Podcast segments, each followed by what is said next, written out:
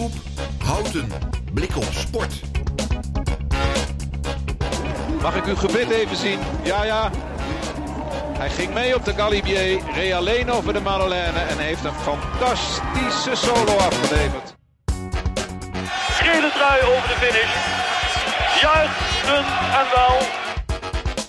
Mathieu van der Poel. Goedendag op de rustdag van de Tour, maar toch een uh, blik op sport. Um, ja, we bespreken de, de prachtige etappe naar de Puy. Bespreken we na met Niels. Niels dus weer in de uitzending. En uh, ja, we hebben ook nog een, een, thema met Niels deze keer. Die plakken we er helemaal achteraan. Want het is een rustdag en hij gaat meer vertellen over ja, rust nemen uh, tijdens het fietsen. Daarnaast hebben we ook de tussenstanden van de, of ja, de eerste uitslag van de Tour de Schalkwijk. Uh, daar helpt Siri mee. En de quiz. En ja, de reacties blijven binnenstromen. Dus het wordt deze keer een spannende wie hem gaat winnen. Veel luisterplezier. We hebben Niels uh, weer aan de lijn. Uh, hij heeft zelf ook flink wat gefietst uh, dit, dit weekend. Maar hij heeft ook zeker naar de, naar de etappe naar Puy de Dom gekeken. ja, wat vond je ervan, Niels?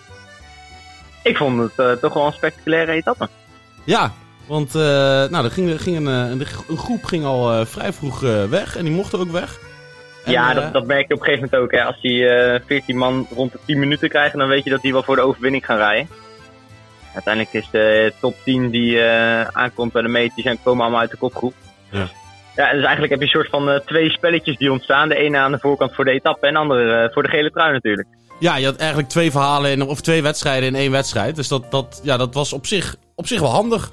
Ook voor ja. tv kijken, toch? Ja, precies. Ja. ja. En uh, hoe heet het? Heeft natuurlijk geluk dat, hij, dat er geen bonificaties meer aan de streep liggen. Ja. Dus die uh, verlies je niet extra vandaag. Nee, klopt. Want uiteindelijk was het verschil tussen po Pogacar en uh, Vingegaard was, uh, was 8 seconden. Mm -hmm. Het was ja. wel prachtig om te zien. Hè. Je, zag, je zag Pogacar, hij wilde snel weg. Maar toen bleef het maar 2 seconden. En toen opeens werd het, wat, ja, werd werd het toch wat, wat langer. maar hij kwam niet helemaal weg. Nee, klopt. Maar voordat we naar dat verhaal gingen, vind ik wel eerst dat we even Jorgensen moeten benoemen. Want ja. die, holy moly, die heeft 48 kilometer vooruit gereden. Dan krijg je 13 kilometer, nou, zo'n klim voorgeschoteld. En dan word je op 800 meter of, of 400 meter, wat is het, zoiets, word je door Woods teruggepakt. Ja, dat is echt ja, respect voor die man. Holy moly. Ja, dat is ook pijnlijk. Hij keek ook even, uh, toen Woods eraan kwam, keek hij ook heel even naar achter. Volgens mij zag ik hem ook even vloeken. En toen hij Woods voorbij was, ging, ging het kopje meteen naar beneden. Toen dacht ja, hij van, ik zat, ja... Ja, ik zat net ook een interview uh, met hem te lezen wat ze met Eurosport hadden gedaan. En er kwam onder andere dat hij echt zei van ik zat helemaal kapot. En hij was uh, eigenlijk al oud gegaan toen hij in zijn eentje al wegreed. Want hij wist al, nou ja, Woods en Paulus, dat zijn eigenlijk de betere klimmers. Dus die ga ik in mijn eentje sowieso niet kunnen hebben. En ja, dat is natuurlijk heel slim dat hij in zijn eentje al een voorsprong pakt. Maar hij wist zelf ook al één minuut. Op dat groepje dat achter hem zit is wel weinig.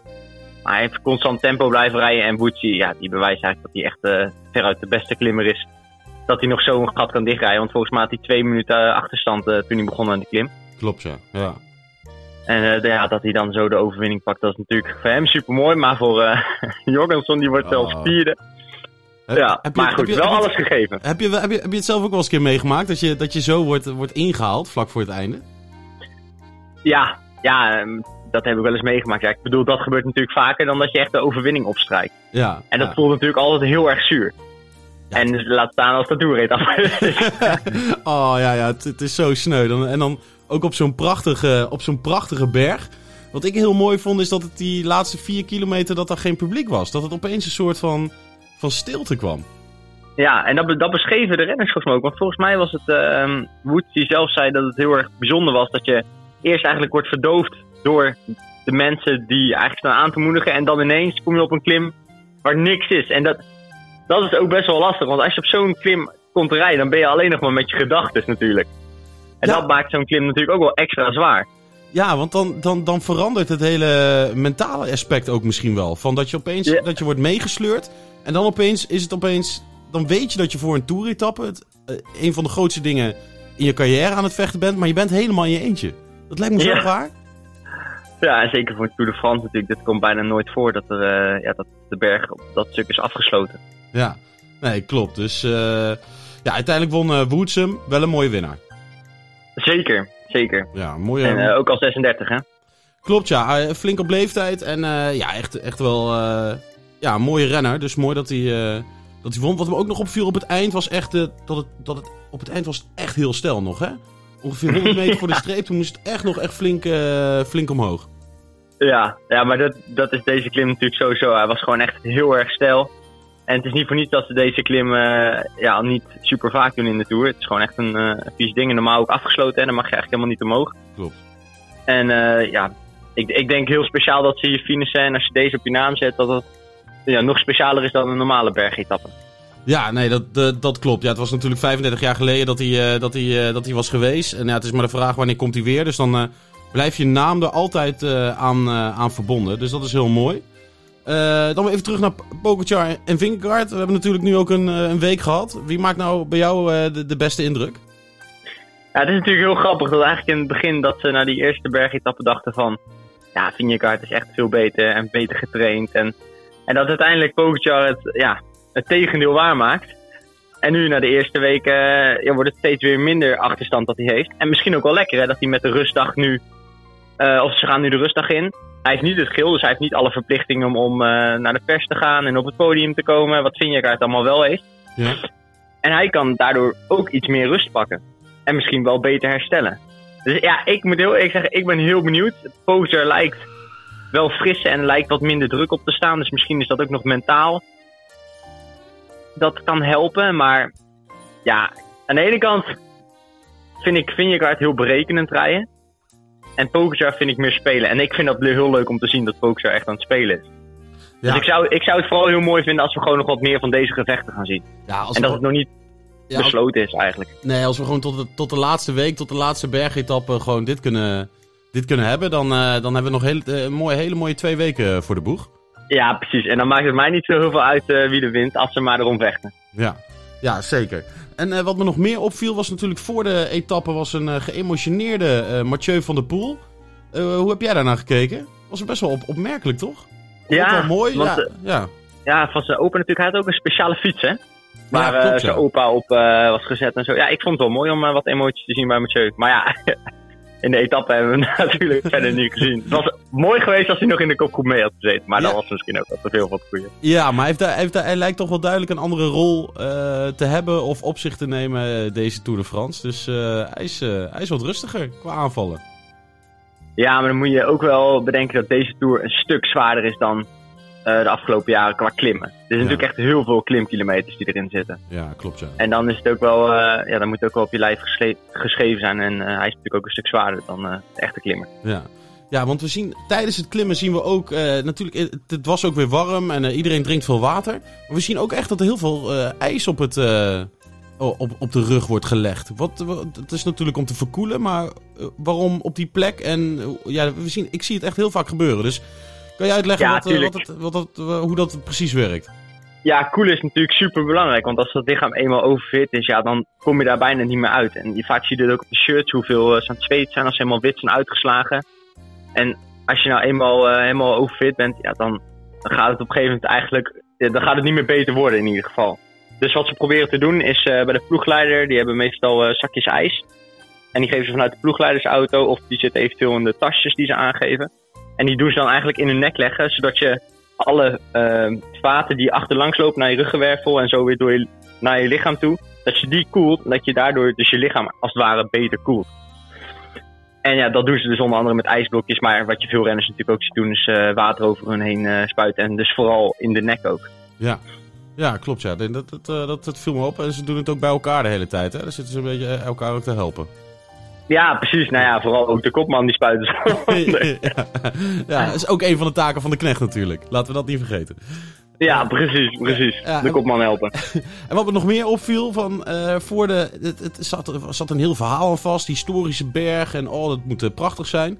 Maar eigenlijk als je het aan de renner vroeg, was het, al- was het antwoord... een berg is een berg. Maakt eigenlijk helemaal niet uit. Ja, ja. ja, dan is het natuurlijk wel heel plat geslagen. Maar voor die renners is het natuurlijk gewoon elke dag. Ze kijken, de meeste renners bekijken het per dag. En dan, dan krijg je vandaag weer een etappe met een flinke berg erin. Eh, ze hebben natuurlijk al meerdere gehad. Ja, dan is het gewoon een dag zoals andere dagen, een, een bergetappe. En daar, eh, het wordt gewoon weer afzien. Ja, en of dat die berg dan heel speciaal is, ja, dat is natuurlijk niet heel erg waar ze zich mee bezighouden. Het is gewoon een klim die ze moeten overleven. Ja. En die ze met de beste mee moeten zien te komen. Ja, En eh, ja, afzien, ik denk dat die mannen er meer mee bezig zijn dat ze blij zijn dat ze boven zijn. ja inderdaad. Eh. ja, ja, ze zien het gewoon als professioneel. Eh, ik moet gewoon de top halen en dan morgen lekker rusten. Ja, precies. dat, dat is ook wel even lekker natuurlijk. Wat is nou het meest, verstandig, meest verstandige? Wel fietsen of niet fietsen tijdens een rustdag? Ja, dat is echt heel persoonlijk qua renner. De ene renner vindt het heel fijn om juist die spanning om de benen te, te houden. Dus om echt ehm, een rondje te fietsen. En sommige rijden zelfs rondjes van 50 kilometer of meer. Om gewoon echt dat gevoel te houden dat je in beweging blijft. Want sommige renners ervaren, stel dat je nu na een week fietsen, dat je dan in één keer een rustdag neemt. Dat het lichaam zo daaraan gewend is en in één keer gewoon zegt van oké, nu kan ik gaan herstellen. Ik stop ermee dat ze de volgende dag totaal niet meer vooruitkomen. En dat is Ja. natuurlijk wel een gevaar. En dat is eigenlijk waarom sommige renners juist blijven fietsen. Waar andere renners ook misschien dat gevoel totaal niet hebben. En juist denken, oh dat is echt lekker om mentaal ook vooral even rust te nemen. Ja. Omdat je elke dag maar dat aan het fietsen bent. En dat je ook mentaal even de fiets misschien niet aanraakt. Ja. Maar dat, is, ja, dat verschilt dus echt heel erg per renner. En ook verschilt dat per rustdag. Want stel dat er morgen een, eh, of na de rustdag een zware bergetappe komt. En er komt in het begin al een hele grote berg. Ja, dan zit je er niet op te wachten dat je eigenlijk eerst nog even een soort van warm moet draaien die dag. Want, want dan wil je eigenlijk al meteen eh, de spanning goed op de benen hebben en meteen met de eerste mee kunnen. Want als je daar wordt gelost, heb je een probleem. Terwijl als het een sprintersetappe is, dan kun je gewoon, hè, wat sommige etappes wij ook hebben gezien, 100 kilometer rustig in het peloton eh mee eh, trappen. Ja. Want de, volgens mij was dat etappe 6, denk ik, waar Philipsen won. Dat Pook- of, Tom Pitcock later op, op zijn socials had geplaatst dat hij een gemiddelde hartslag van 99 had. Klopt, ja. Ja, Dat is, dat is bizar, dat is, dat is super laag. ja dat is bijna geen inspanning. dus, nou ja, en dat betekent dus echt wel dat die mannen in het wiel toch, dus echt wel relaxed hebben kunnen fietsen. Wat eigenlijk best wel bizar is natuurlijk in een Tour de France. Ja. Natuurlijk geen, eh, geen etappe. Eh, het is een rustdag. En eh, ja, Niels, we hadden al eerder besproken hoe, het, hoe, het nou, hoe belangrijk rusten eigenlijk is tijdens een fietscarrière. Ja, rusten is natuurlijk super belangrijk. En daarvoor hebben we alles eventjes op een rijtje gezet. Dat doen we nadat Siri de eerste tussenstand van de Tour de Schalkwijk heeft eh, gecommuniceerd. En de quiz. De Tour de Schalkwijk is begonnen en eh, we hebben de eerste tussenstand van Siri. Zondag 9 juli is de Tour de Schalkwijk echt van start gegaan. Het begon met een presentatierit en toen de spannende tijdritten langs de Wetering. Er stonden heel erg veel mensen te kijken, dus dat was eigenlijk heel erg leuk. En het was een hele mooie dag. Uiteindelijk waren we wel net op tijd klaar voor het, eh, voor het noodweer uit, eh, uitbrak en, eh, en de echte harde wind begon. De strijd is dus echt losgebarsten. En het was een ontzettend close finish. Maar uiteindelijk is toch Luc van Oort met een tijd van 2 minuten en 49 seconden eh, er vandoor gegaan met de, ehm, met de gele trui en met de overwinning. Ehm Matt Hoogland eh, had een, maar liefst een tijd van 2 minuten en 50 seconden.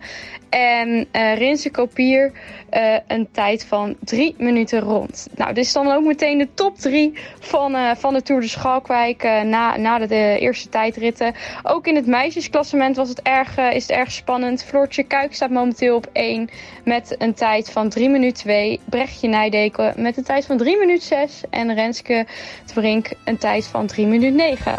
Nou, het is dus allemaal nog heel spannend en we kijken uit naar de volgende rit. Het antwoord van de quiz van gisteren was natuurlijk Roma Bardet. Vele inzendingen kwamen binnen via het e-mailadres ruben.omroephouten.nl. En dit keer is de winnaar Alex. Hij krijgt een shirt van Blik op Sport. En dan is het weer tijd voor een nieuwe quiz. Hij werd prof in 2009. Deed drie keer mee aan de Tour de France. En reed even in de bolletjestrui.